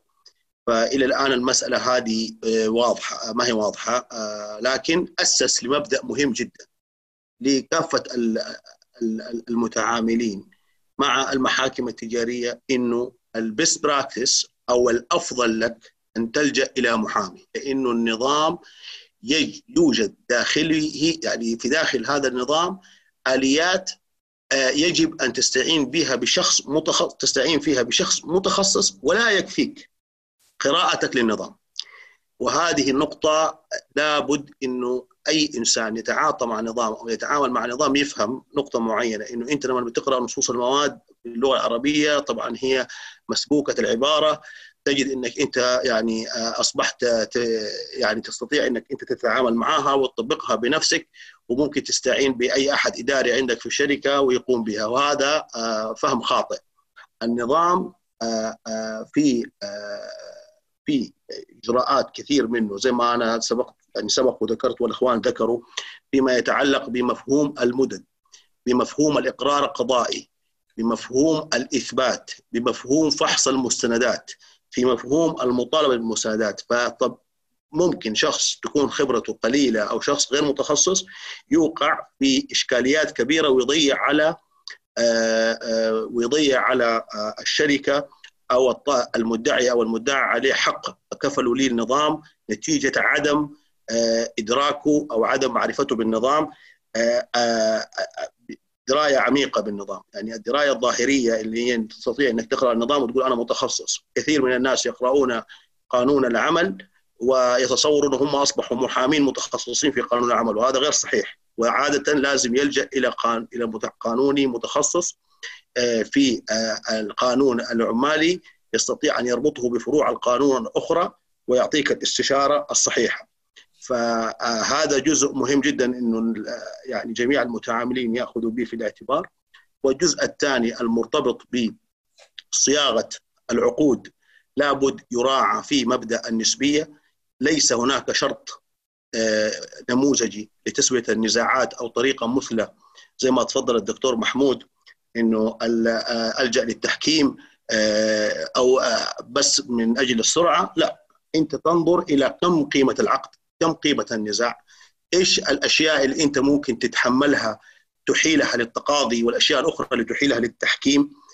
تعدد الأطراف اللي في العقد كم عدد الأطراف اللي موجودين عندك في العقد؟ في نزاعات آه، ليس من الحكمة أن تضعها للتحكيم وفي نزاعات من الأفضل لك أن تلجأ فيها إلى التحكيم. وإذا قررت إنك تلجأ إلى المحكمة فالنظام أتاح إليك أتاح لك في العقد إنك تذكر تذكر جميع المواد ال ال ال ال ال أو جميع النصوص التي ترى إنك أنت تعالجها في العقد قبل نشوب أي نزاع موضوع المصالحة آه، اللي نص عليه النظام لابد أن يؤخذ بجدية وأن يدار من متخصصين وليس من أشخاص آه، ليس لهم آه، خبرة واطلاع وعلم قانوني جيد لأنه أيضا في ضمانات للأطراف لابد إنهم هم يحظوا بها ويكونوا على اطلاع بها. يعني بمعنى أنا ما أحب أستخدم هذه اللغة لكن ما في أسلوب المصالحة ما حتكون بأسلوب الفهلوة أو إنه أنت تحاول يكون عندك تكنيك معين لا. لابد إنك أنت تدار بطريقة احترافية وهذا الشيء موجود في دول كثيرة سبقتنا فيه. وجيد جدا إنه إحنا برضو نطلع على التجارب إحنا كمتخصصين نطلع على تجارب الدول السابقة أو الدول اللي سبقتنا في هذا المجال اللي نحن نطلع عليها. في تجارب جيدة في بريطانيا في تجارب في أمريكا في تجارب قريبة مننا في الإمارات في محاكم ال DIFC عندهم هذه الأنظمة موجودة ومتبعة. فأنا أشوف إنه الآن إحنا السعودية بتنفتح على العالم وبعيدا عن الحالة الحظر اللي إحنا فيه والعالم الآن الحالة اللي هو فيها بس آه، عموما أرى إنه إنه الشركات الآن أصبح لابد إنه لكل شركة يكون شريك لها قانوني آه، يعمل معها خطوة بخطوة زي ما تفضل الدكتور محمود والأستاذ نصر والأستاذ محمود وجميع الإخوان يعمل معها خطوة بخطوة آه، بحيث إنه درهم وقاية خير من إيش؟ قنطره علاج. تعقيبا على ما ذكر الدكتور أحمد، هل يسمح لمن يحملون ترخيص ترافع عن الشخصية المعنوية ترافع؟ ذكر النظام في مادة العشرين إنه اللائحه حتحدد الدعاوي لكن آه نبغى تصورك عن الموضوع. هل حيكون آه الشخصيه ترافع آه، من يحصل على ترخيص ترافع عن الشخصية المعنوية هل يمكن أن يرفع لأنه نتكلم عن الاعتراضات حدد النظام إنه اللي يرفعها محامي آه ولما نتكلم عن الترافع حدد النظام إنه يرفعها محامي ما كان في تفصيل. طبعا الشركات زي ما أنت عارف أستاذ عبد الرحمن الشركات في عندها إدارات قانونية ومن يعملون فيها هم متخصصين ومحامين يعني يعتبروا محامين خريجين قانون ولديهم علم قانوني وفي منهم أساتذة كبار وقوانين قانونيين جهابذة وفطاحل أتوقع لهذه الفئة ما في أي إشكالية ولا أرى انه إنه في أي ضير في ذلك من ذلك. آه إنه التفرقة بين إنه الشركة اللي لديها جهاز قانوني داخلي آه معين لهم آه قد يرون إنه في قد نوعية من الدعاوي الأفضل لهم من ناحية التكلفة والكوست والإدارة إنها تدار داخليا ويتم الاستعانة بمحامي خارجي في قضايا مرتبطة بمثلا منازعة بين إدارة الشركة وأحد الشركاء فيها، فمن الأفضل إنه لا يزج بممثل الشركة النظامي في نزاع بينه وبين أحد الشركاء، فاهمني؟ فالافضل إنهم هم يستعينوا بمحامي خارجي في هذا النزاع، مثلا أنا بعطيك على سبيل المثال تمام؟ آه الأفضل دائما إنه الشركات وكثير من الشركات ما تفعل ذلك الشركات التي يوجد لديها قواعد وحوكمة إنها تستعين بمحامي خارجي بجانب الإدارة القانونية التي لديها. ولو افترضنا أيضا إن بعض الشركات اللي اللي ذات يعني حجم التعاملات لديها كبير جدا إنه يكون عندها أكثر من إدارة الإدارة القانونية هي التي تتولى توزيع العمل ما بين المح... بينها وبين المحامين الخارجيين وطلب العروض من المحامين ومراجعة ما يقدمونه من مذكرات وتزويدهم بما يحتاجونه من مستندات. فأرى إنه الدولة إنه إنه هذه الشركة أيضا الإدارة القانونية لديها مؤهلة والنظام أتاح لها ذلك. فهنا ممثل النظامي اللي هو كان مدير الشركة ما أتوقع مدير الشركة حيكون متفرغ لهذه المسألة ولكن أنا أقصد ممثل الشخص المعنوي اللي هو من خريجين القانون. أنا أتوقع إنه هو يعامل معاملة القانونيين. وأنا أصلا من الناس يعني الذي لا أرى إنه إنه إنه في منافسة بين المحامين وغيرهم. المنافسة لا توجد ابدا. المحامين هم من يديروا المسألة والنظام كفل لهم ذلك.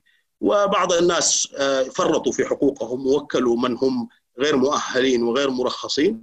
ويعني نسأل الله سبحانه وتعالى أنهم هم يعني يدركوا هذا الخطأ. وأنا لا أرى إنه إنه إنه إنه في أي خطورة على مهنة المحاماة بل أنا أرى إنه مهنة المحاماة مكسب كبير للشركات وللاقتصاد الوطني. ولجميع الأشخاص اللي اللي اللي موجودين في الأنشطة الاقتصادية يحتاجوا هذه الخدمة من المحامين. وما شاء الله تبارك الله لدينا محامين مؤهلين على دراية كاملة ومعرفة كبيرة ومتخرجين من أرقى الجامعات ومارسوا لفترات طويلة. ولدينا بفضل الله مؤسسات عريقة. أعتذر منك دكتور أحمد بس عشان الوقت بي... بيداهمنا شوية. شكرا. آه حاب أوجه للحضور آه نستقبل. أسئلتكم عبر الرسائل. آه إذا حابين ترسلوا أي رسالة تفضلوا عبر الرسائل وننتقل آه ننتقل الآن آه أو نعود للأستاذ خالد. أستاذ خالد تعقيبا على كلامك آه من قبل على آليات التبليغ القضائي. آه، كما تعلم هناك تحديثات على آليات التبليغ القضائي. إذا ممكن تعطينا المعلومات المهمة للشركات؟ آه طيب آه ممتاز. آه يعني فعلا كما تفضل الأساتذة هم أثروا الموضوع بحثا ونقاشا ولكن آه مسألة الإجراءات الإلكترونية هي يعني شيء من يميز هذا النظام بشكل عام في كل وسائله وفي كل مواده. آه طبعا التبليغ أو التبليغ الإلكتروني أو القضائي آه كان في أحد المواد يعني أو أحد الفقرات التي قد نجد انها هي جديدة ومحل اهتمام فعلا اللي هو التبليغ الإلكتروني. التبليغ الإلكتروني آه يكون على العنوان الإلكتروني للشخص الطبيعي أو للشخص المعنوي يكون مسجل في العقد ممكن يكون إيميل ممكن يكون هاتف ممكن يكون أي وسيلة من وسائل التواصل. فبالتالي أصبح الآن في النظام منصوص على أنه التبليغ الإلكتروني هو محل اعتبار ومحل تحقق تبلغ الشخص بالدعوة. هذا لم يكن موجود بالسابق كان عدل في اللائحة التنفيذية لنظام المرافعات إضافة اللي هي الهاتف المسجل في نظام أبشر واعتبره آه، وسيلة إثبات لتبلغ الشخص. الآن لا في القضاء أو في نظام المحاكم التجارية أضافوا مسألة البريد الإلكتروني وقد يكون البريد الإلكتروني هذا منصوص عليه في العقد المبرم بين الطرفين على شريطة أن يكون هذا العقد هو محل النزاع. آه، فضلا عن ذلك آه، اعتبروا العنوان المسجل في السجل التجاري هو عنوان للمدعى عليه. هذا طبعا يعني كان منصوص عليه في نظام السجل التجاري ولكن لم يكن يلزم المحاكم التجارية بتطبيقه فكان آه، بعض الدوائر القضائية تجتهد في تطبيق هذا النص من نظام السجل التجاري ولكن الآن آه، نص عليه صراحة في آه، نظام المحاكم التجارية فهو بالتالي يعتبر إضافة مميزة للأدوات أو وسائل التبليغ في النظام. فضلا على الأمور الاعتيادية من عنوان من عنوان وطني ما إلى ذلك من أمور. طبعا كمان أضاف النظام نقطة مهمة جدا وهي إمكانية اختيار الأطراف تلقي التبليغات عن طريق محامي أو عنوان محامي تحديدا بحيث أنهم هم يتلقوا التبليغات القضائية عن طريق هذا المحامي الذي تختاره الشركة مثلا في أن هي ينوب عنها في تلقي التبليغات لاصلا تسيير الأعمال القانونية والقضائية الخاصة بهذه الشركة. هذه يعني تقريبا أهم الأمور اللي خاص آه ذكرها النظام في مسألة التبليغات القضائية وكما أسلفت سابقا مسألة أنه اللائحة التنفيذية سوف تفرد أظن أمور أكثر تفصيلا في هذه المسألة.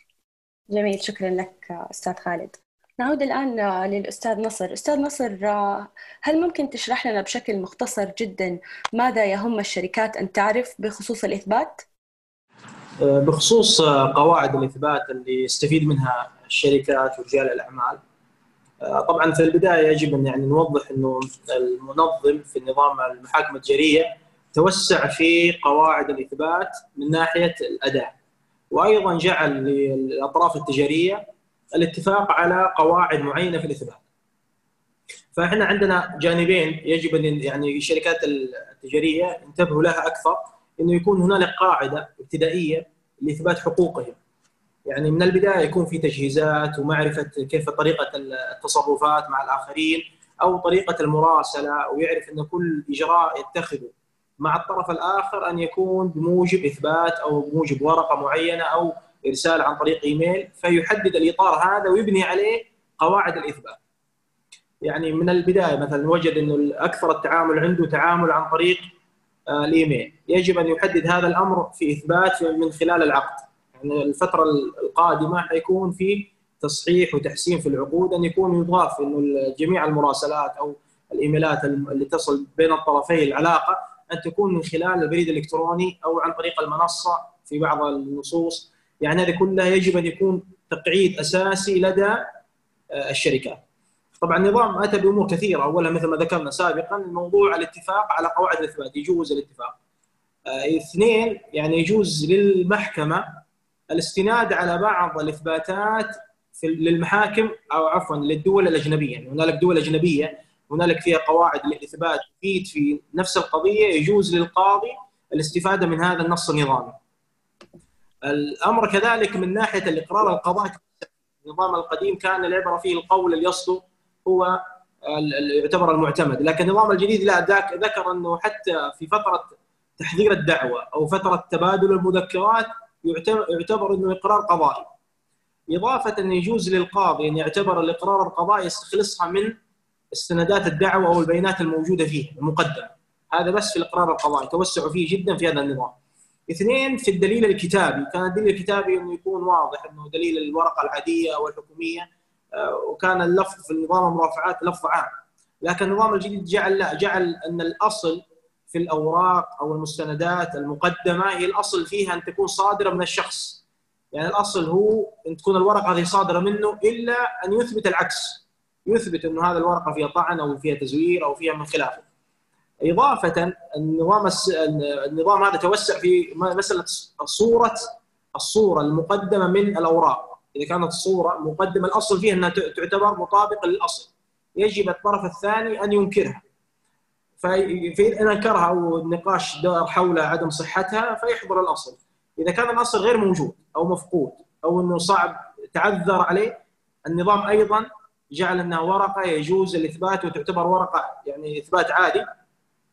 إذا كان فيها بعض القرائن إذا كانت مثلا دليل يعضدها آخر يعني في دليل آخر يعضد هذه الورقة إضافة إلى إذا كان هنالك بعض البيانات الموجودة في نفس الورقة هذه مسجله في جهة حكومية أو إن صورتها موجودة أو بيانات موجودة في دائرة حكومية صورة منها أو إن الطرفين تناقشوا في الورقه ولم يطعن الطرف الثاني في في صحة هذه الورقه هذه بس في الأدلة الكتابية.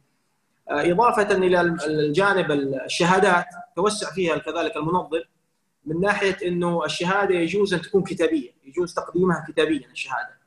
أيضا يجوز أن تقدم الكتابة الشهادة ليس استخلافا. النظام القديم الشهادة تريد أن تستخلف شخص تستخلف في في محكمة أخرى. النظام هذا جعل ميزة أن يجوز أن يقدم الاستشاره يقدم الشهادة من خلال وسائل الاتصال يعني عن بعد. جميل. يقدم الشهادة. أيضا من الشهاده الأمور الشهادة يتعلق إنه دائما إحنا في الفقه يعني مرتبطين أكثر شيء بالفقه. إذا كانت الشهادة تعارض شهادة أو إن الشهادة تعارض الدعوة فترد الشهادة. لكن النظام الجديد جعل للقاضي لا يستخلص منها الأمر الذي يفيد وصولها للواقعة الدعوه وإثبات الدعوه فيستفيد منها كقرينة صحيح؟ كقرينة نعم. كقرينة يثبت. جميل جدا. لكن هذه أمور استخلاصها أعتقد ما أدري نرجع للنص أعتقد إنه ما ذكر قرينة لكن يجوز أن تكون هذا الاستخلاص كشهادة في نفس الدعوة. يعطيك العافية أستاذ نصر. آه، عشان الوقت؟ الله يعطيك العافية أستاذ نصر. عندنا مشاركة من آه، من المشاركين المحامي آه، فهد محمد بارباع إذا موجود معنا أستاذ فهد. السلام عليكم. وعليكم السلام. تفضل أستاذ فهد. في دقيقتين أرجوك الوقت أقل أقل أقل من دقيقتين. اولا أشكركم على هذه المداخلة. إذا كان ممكن بس أتكلم في جزئية معينة بسيطة. ما قصروا الشباب الزملاء المحامين في بعض الأمور في تفنيدها. أنا كنت بتكلم في ضرورة أن يتم الاستعجال في موضوع أن تكون هناك رسوم على الدعاوي ولتسجيل الدعاوي مثل ما هو معمول في الدول الأخرى. وذلك فيما يتعلق ابتداء بالقضاء التجاري. لأنه نحتاج فعلا إلى أن يكون المدعين في هذه القضايا يعني مدعين ذو جدية في دعواهم وتختلف الأمور كثيرا في حال إذا أقيمت دعوة وكان فيها رسوم قضائية. مثلا نرى إذا قمنا دعوة مثلا في مثلا في محاكم دبي الرسوم القضائية إذا كانت الدعوة مثلا قيمتها مليون ريال الرسوم القضائية تدفع ابتداء ما يقارب 30 ألف ريال. رسوم تسجيل الدعوة فقط في المحكمة. ويستطيع من إذا كسب القضية المدعي بأن يحصل عليها مع مع صدور الحكم وتكون في منطوق في منطوق الحكم.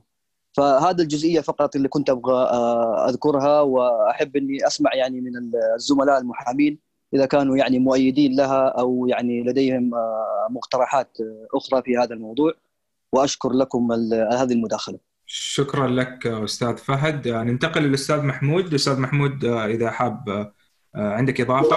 السلام عليكم. اتامل إنه في وضوح لأنه كان عندي إخفاق اليوم تقني.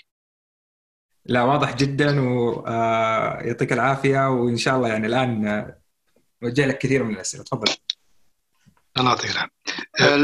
تعقيبا على الأستاذ فهد الأرباع المادة الخامسة في النظام فعلا قررت هذا الشيء بأنه هو سيكون هناك رسوم على التقاضي، سيكون هناك رسوم على إيداع دعوه، سيكون هناك رسوم على إدارة الجلسة، سيكون هناك رسوم على تبادل المذكرات وسيكون هناك يعني رسوم متنوعة وهذه نستطيع أن نسميها باسم إدارة عمليات التقاضي من القطاع الخاص فأجازت المادة دون الإخلال بضمانات القضاء والقطاع الخاص هذه المواضيع ومثل لها في ثمانية أشياء المصالحة، الوساطة، التبليغ والإشعار، قيد الدعوة، حتى إدارة قاعات الجلسات.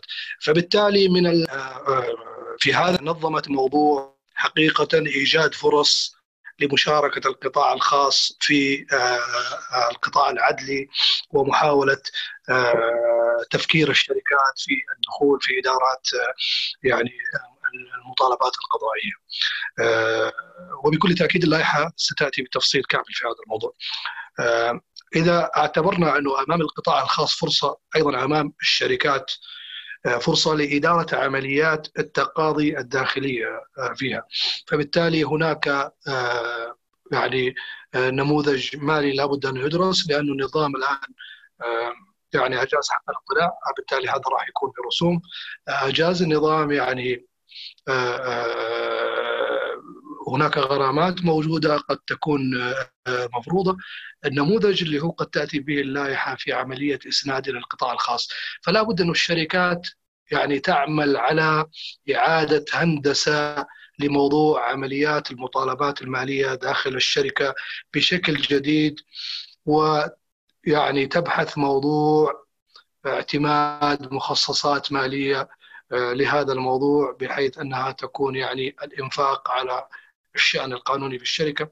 سيأخذ مسار يجب أن يكون في الحسبان لدى الجميع. وأيضا أيضا يلحق تجهيز البنية التحتية التقنية. لابد أن يكون من ضمن المخطط الهندسي المالي للحاق بنظام المحاكم التجارية السعودي. الجديد. شكرا. جميل جدا. تعقيبا على كلامك أستاذ محمود.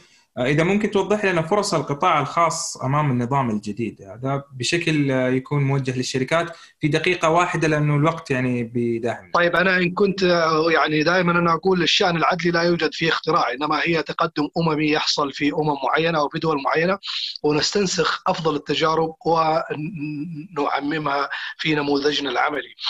إذا استطاعت الشركات في القطاع الخاص أن تفحص الشركات اللي هي دائما بالقرب من البيئة العدلية، شركات تزويد الخدمات للمحاكم، شركات تأخذ النموذج هذا المعمول فيه في الدول المتقدمة وتحاول إنه تبحث الفرص في هذه المواضيع ويمكن اعتبارها أنها هي فرص تجارية للحصول على وكالات للقطاعات التي تناسب عفوا تساند تساند القضاء من برا وتأتي ب يعني تقنيات ونماذج عمل خارجية وتستطيع أن تعمل فيها، هناك فرص كبيرة جدا للقطاع الخاص في التحولات التشريعية التي وهذا كله يساعد في موضوع ارتفاع المؤشرات إنفاذ العقود ومؤشرات البيئة العدلية ومؤشرات الجذب الاستثماري. لا ننسى الموضوع الأخير الحمد لله اللي توفقت فيه المملكة في موضوع إدارة الملف النفطي ورفع سقفه الائتماني في هذا الموضوع. وبالتالي هذا كله سينعكس على فرص ممتازة أمام القطاع الخاص فيما لو استحسنها. وقد يعني يجيز نظام المحاماة للشركات القانونية أنها هي تنشئ شركات قانونية لا تتعارض مع مهنة المحاماة وتبحث جميع الفرص المتاحة داخل نظام المحاكم التجارية وتؤسس شركات شقيقة لممارسة عملها القانوني بالإضافة إلى التقاضي والاستشارات القانونية فتؤسس شركات تكون بالقرب منها في في الاستفادة من هذا النظام وغيره من الأنظمة الأخرى لأنه في في في أنظمة أخرى أسندت إلى القطاع الخاص العملية. عندنا موضوع الرهن عندنا الآن صدر عندنا موضوع الرهن المنقول أيضا. فبالتالي المزاد تنظيمات كثيرة. نستطيع أنه من داخل شركاتنا القانونية بالتوازي مع القطاع الخاص نحن كمحامين أن نؤسس شركات قانونية تتعاطى في الفرص الاستثمارية الجديد التي تمنحنا إياها التطورات التشريعية في السعودية. وشكرا يعطيك العافية أستاذ محمود. آه ننتقل لك أستاذ خالد. آه أستاذ خالد آه على موضوع بعجالة في دقيقة واحدة أو دقيقتين موضوع المصالحة والوساطة بالنسبة للشركات. ماذا يهم للشركات أن تعرف في موضوع المصالحة والوساطة بشكل مختصر؟ وإذا كان عندك أي إضافة دقيقة أخرى عشان الوقت. يعطيك العافية. الله يسلمك. طيب المصالحة والوساطة يعني هو الاهتمام لم يكن جديدا فقد أولت وزارة العدل الاهتمام بهذا الموضوع تحديدا منذ فترة طويلة وليس في الحد القريب يعني.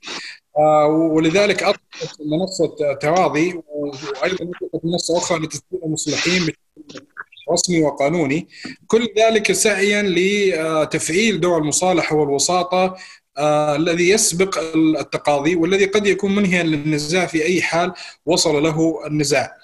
آه هذا يخفف بداية تدفق القضايا إلى الدوائر التجارية إذا تم تفعيله بالشكل السليم والصحيح وهذا المأمول طبعا من وزارة العدل بأن هي ساعية وجاهدة في موضوع أنها تستثمر مسألة القطاع الخاص في إدخاله في المصالحة والوساطة وهنالك أيضا فرق كبير بين المصالحة والوساطة ليس هذا محل التفرقة بينهم ولكن آه، بشكل موجز آه، نعم سوف يكون هنالك دور كبير للمصالحة والوساطة في التخفيف من تدفق القضايا بالإضافة إلى انه إسناده للقطاع الخاص قد يفعل من دوره بشكل أكبر من الواقع الحالي اللي هي بعض مكاتب الصلح الموجودة في بعض المحاكم حاليا. آه، سوف يفيد الشركات أنها لن تلجأ مباشرة إلى التقاضي في آه، إمكانية وجود آه، صلح بينها وبين أحد المدعى عليهم أو بين المدعى عليهم بشكل جماعي. آه هذا بشكل مختصر هو مسألة الوساطة والصلح. وكما ذكرنا مسبقا أنه أيضا اللائحة آه سوف تقوم بإضافة عدد من من الدعاوى التي يجب آه فيها البدء بالمصالحة والوساطة قبل تقديمها إلى المحكمة بشكل دعوة. طبعا هذه ميزة أيضا أنه النظام أعطى للائحة التنفيذية تحديد هذه الدعاوى لأن كما أسلفت سابقا أنه مسألة تعديل اللائحة التنفيذية هي أكثر مرونة من تعديل النظام آه، فبالتالي إن استجدت آه، حالة جديدة أو دعوة جديدة تستوجب أن يتم فيها المصالحة والوساطة فيكون ذلك بتعديل اللائحة التنفيذية وليس بتعديل النظام. آه، جميل جدا يعطيك العافية أستاذ خالد أستاذة سلوى في أسئلة عندنا ولا؟ لدينا أسئلة نعم من من الحضور. في سؤال موجه لدكتور أحمد. دكتور أحمد في سؤال بيقول ألا تعتقدون النظام ينقصه فرض رسوم على التقاضي من أجل عملية قضائية أكثر جدية؟ وكذلك فرض فرض النص فرض النص على جريمة تضليل العدالة وسن عقوبات عليها؟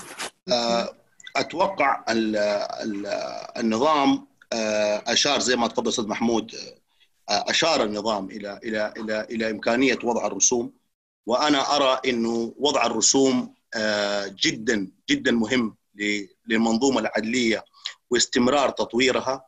فالآن الحمد لله بفضل الله سبحانه وتعالى الدولة آه، بتدخر يعني ما بتدخر أي جهد أو آه، ميزانية كريمة جدا على القطاع العدلي يحظى بها.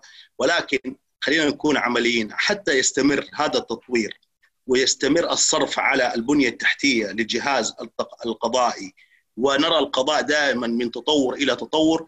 لازم هذا القطاع آه، يضمن موارد يستطيع من خلالها الاستمرار في تقديم خدمة آه، محترمة.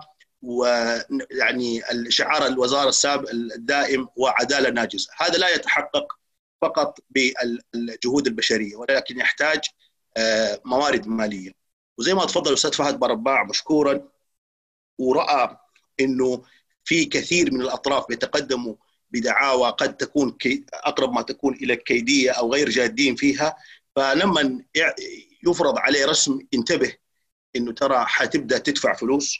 حتى الاعتراض على الحكم اللي شخص غير جاد يقول لك خلينا نجرب الاستئناف آه، ممكن يعطينا شيطان لما نعرف إنه هو حيدفع رسوم على الاستئناف ممكن يرتضي بالحكم الابتدائي وبلاش يهدر وقت المحاكم الأعلى درجة. في شيء معروف وواضح. الآن إحنا نرى ناس بتستأنف فقط لأجل كسب وقت. آه، وبيرهق المحكمة وأجهزتها وموظفينها وقضاتها والطرف الآخر في دع في في في درجة ثانية ما كان ليها لزوم لأنه الأمر كان واضح من البداية ولكنه هو استغل النظام ورأى في ذلك. فإحنا الرسوم سوف تقلل مع إجراءات أخرى موجودة في النظام آه، اللدد في الخصومة. المفهوم هذا آه، لما يعني نقدر نكافحه بإجراءات واضحة صريحة آه، زي مثلا فرض الرسوم مواعيد يلتزم بها جميع الأطراف وتلتزم بها المحكمة أيضا فأنا أرى إنه موضوع الرسوم موضوع مهم جدا وهو حقيقة حيكون يعني بوابتنا إلى آه، القضاء المؤسسي اللي يستطيع انه هو يصرف على نفسه. يعطيك العافية دكتور أحمد. آه، عندنا مشاركة من الخاص الأستاذ عبد العزيز الفراج. آه، أعتقد الآن يمديك تتكلم. أستاذ عبد العزيز. السلام عليكم. وعليكم السلام. تعرفنا أي شركة تمثل أو شركة الباسقات. يعطيك العافية. تفضل أستاذ عبد العزيز سؤالك آه، السؤال آه، وهو هل النظام في الاختصاص القضائي في الدعاوى الموجهة على التجار في المنازعات الموجهة ضد التجار هل النظام مثل السابق أو حصل تغير؟ وهل التغير هذا إيجابي أو سلبي بالنسبة للتجار وبالنسبة للأشخاص الذين ينازعون التجار؟ سؤال واضح؟ السؤال واضح. توجه لي آه، نوجه السؤال للاستاذ محمود. أستاذ محمود. بص بصراوي الأستاذ بصراوي إذا هو قريب. معك. طيب دكتور دكتور أحمد تفضل. آه، سؤال حقيقة مهم جدا. آه، وأنا نفسي أسأل نفسي السؤال ده من أول ما اطلعت على النظام. وكان الجزء ال- المهم فيه أنه نظام المحكمة التجارية الذي حدد في المادة الثانية منه الأعمال التجارية. إحنا نظام المحكمة التجارية اللي صدر في عام 1350 وضع أعمال تجارية محددة. وهذه الأعمال التجارية كانت المحاكم هي كانت أسباب الإشكالية أي عمل كان خارج عن ال- ال- ال- ال- ال- الخمس أو السته فقرات اللي موجودة في المادة الثانية كان يعتبر من اختصاص القضاء العام باعتبار هذا العمل آه، ليس تجاريا. أنا أعتقد إنه المادة جاءت آه، بأكثر شمولية فيما ذكرت المادة ال- التجارية بالاصليه أو بالتبعية فأعتقد إنه الآن يعني هو مقارب للوضع الحالي بعد ما صدر المحضر من المجلس الأعلى للقضاء بتحديد الاختصاص ما بين التجاري وال وال- والمحاكم التجارية والعامة. وأعتقد النظام آه، كرس هذا المحضر اللي كان موجود في السابق. ولكن المنتظر أن يتم إحلال نظام آخر يكون بديل للنظام آه، المحكمة التجارية حيث أن النشاط التجاري اتسع كثيرا عن ما ذكر في آه، المادة الثانية من نظام المحكمة التجارية وأنا أتوقع إنه في شيء قريب سوف يصدر في هذا الصدد. جميل جدا دكتور أحمد. آه، أستاذ عبد العزيز آه، الإجابة واضحة. شكرا لمشاركتك. في سؤال موجه للأستاذ محمود.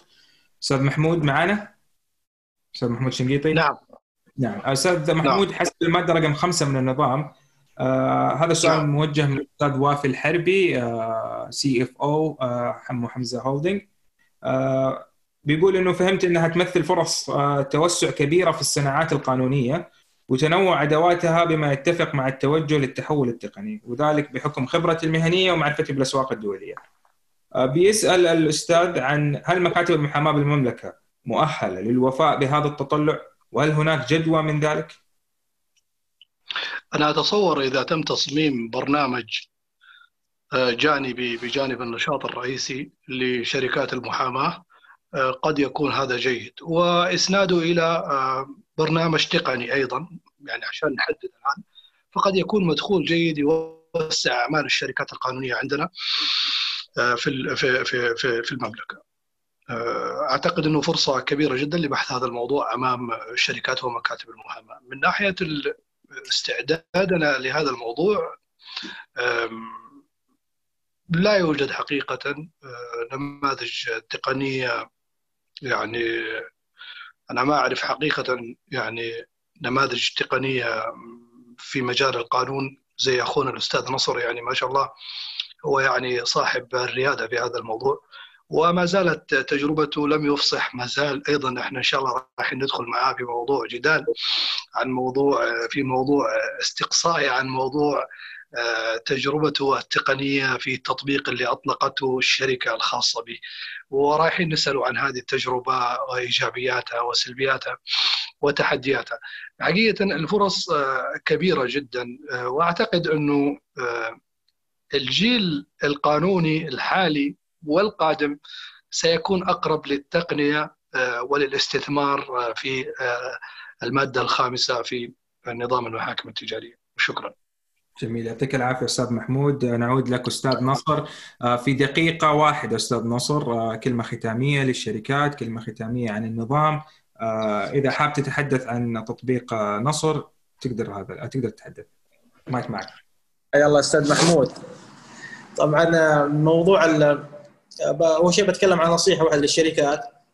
ما دام الأمر يتعلق بأن هنالك في سلطة للشركات من ناحية سير القضية أو من ناحية الإثبات اللي فيها أو تبعاتها جميعا فيكون يكون المرحلة القادمة مرحلة تجهيزات يعني الاستعانة بشركات المحاماة أو بالمحامين من ناحية أن يعيدوا بناء القاعدة أو البنية الأساسية للإدارة القانونية الموجودة عندهم من ناحية النماذج، من ناحية العقود، من ناحية المستندات، من ناحية تعديلها، من ناحية أن يكون في يعني يكون في شرط إضافي، من ناحية أن يكون الإثبات إثبات إلكتروني نفترض.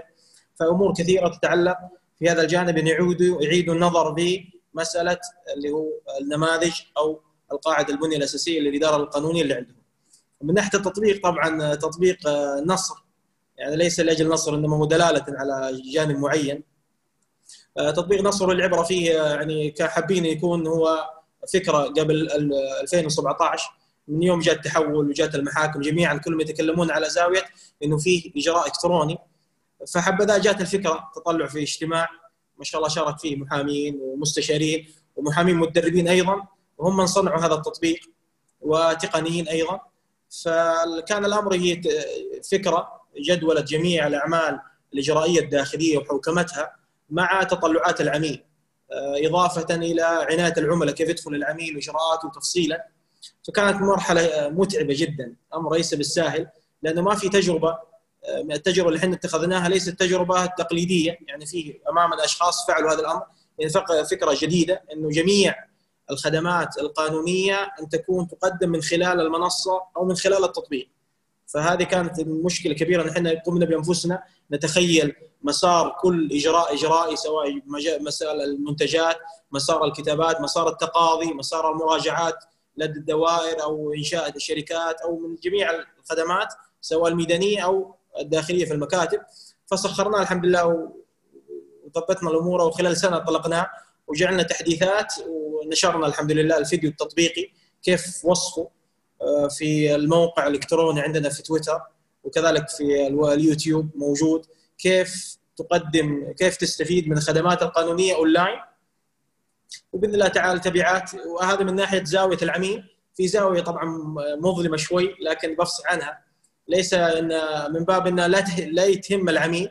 في زاوية إنه جميع الموظفين عندنا لا يمارسون أعمالهم إلا من خلال المنصة، هذا أمر داخلي.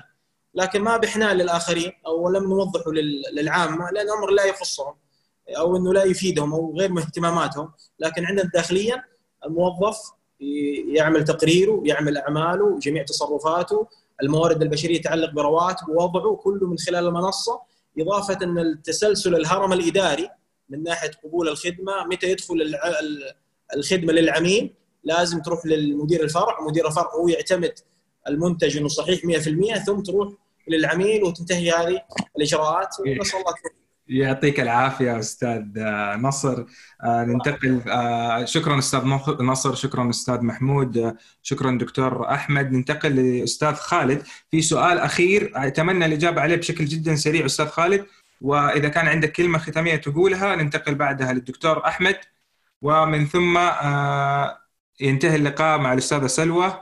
أستاذ خالد ما هو أثر تطبيق مبدأ عدم إضرار الطاعن من طعنه في ظل الاستئناف الفرعي للخصم؟ هذا سؤال من الشات.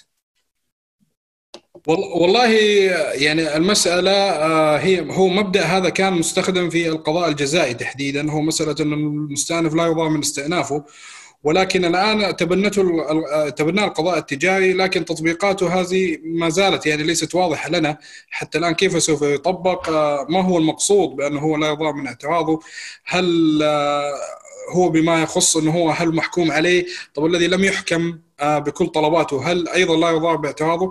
يعني المسألة تحتاج إلى تفصيل وإلى تطبيق قضائي حتى نستطيع انه يكون في تصور واضح لها. ما زالت هي مادة كتبت بشكل مقتضب جدا. تحتاج إلى تفصيل وتفسير لها. تفسير سوف يكون في اللائحة التنفيذية بشكل طبيعي وبالإضافة إلى تطبيق قضائي لها في واقع المحاكم التجارية. أنا كان عندي فقط إضافة على الاستفسار الخاص من الأستاذ فهد بعباد حول التكاليف القضائية. سابقا وزارة العدل نشرت مشروع للتكاليف القضائية ومشروع نظام سوف يصدر ولكن لم يرى النور حتى الآن ولكن أرى أنه هو الأقرب لأن يكون مشروع عام للتكاليف القضائية بشكل عام ليس مقتصرا على القضاء التجاري بل أيضا على القضاء العام وعلى القضاء بشكل عام يعني المحاكم العماليه المحاكم الجزائية ايا كانت المحاكم آه، فبالتالي أرى أنه إسناد ذلك إلى مشروع أو إلى نظام التكاليف القضائية هو الأقرب إلى الصواب بدل من أن يكون كل نظام له آه، باب مثلا أو مواد تتخصص أو تتحدث عن هذه التكاليف القضائية. جميل جدا أستاذ خالد، شكرا لك أستاذ خالد، دكتور أحمد كلمة في نصف دقيقة ثم ننتقل بعدها كلمة في نصف دقيقة لأستاذ محمود. موجز الله يعطيكم العافية عشان الوقت. حقيقة الإخوان يعني ما شاء الله تبارك الله ما قصروا أعطوا جميع ال ال الأبعاد الإطارية للنظام. باقي النظام ما صدرت اللوائح حقته. باقي النظام ما طلعت لم يدخل في إطار العمل بعد. جيد جدا إنه إحنا كقانونيين مع شركائنا من القطاع الخاص والشركات التجارية إنه إحنا نتناقش أكثر. ونعرف إيش الأشياء اللي تفضل بها الأستاذ نصر إيش الأشياء اللي ممكن نغيرها الآن وبما يتواكب مع النظام. وأتمنى أتمنى أتمنى دعم المحاكم من جميع الجهات لا سيما المحامين في تفعيل هذا النظام. ليست دور المحاكم لوحدها ولكن إحنا المحامين والقانونيين والأكاديميين علينا دور كبير في إثراء آه هذا النظام والعمل بموجبه لدعم البلد والحكومة في مجهوداتها وما تقوم به من إجراءات تحسين البيئة الاقتصادية فيها. شكرا شكرا جزيلا لكم. شكرا دكتور أحمد، أستاذ محمود في 15 ثانية أتمنى. آه نعم أنا حقيقة أشكر جميع من عمل على هذا النظام من مسؤولين نقدر لهم يعني حجم آه، هذا العمل آه، الرائع. آه، الله يعطيهم العافية ونتمنى إن شاء الله أن تنعكس آثاره على عنصر الرضا لدى المتعاطين مع البيئة العدلية. كما نتمنى انه تنعكس آثاره بشكل كبير كما يتوخى النظام على مشروع الاقتصاد الوطني الذي تتبناه المملكة إن شاء الله لأنها تقف في مصاف الدول الكبرى بإذن الله ويشار إلى أنظمتها العدلية. بأنها من أكثر الأنظمة الجاذبة للاستثمارات والمطمئنة لها والمحافظة عليها. شكرا لكم. شكرا لك أستاذ محمود وشكرا للأساتذة على هذا الحوار المثري.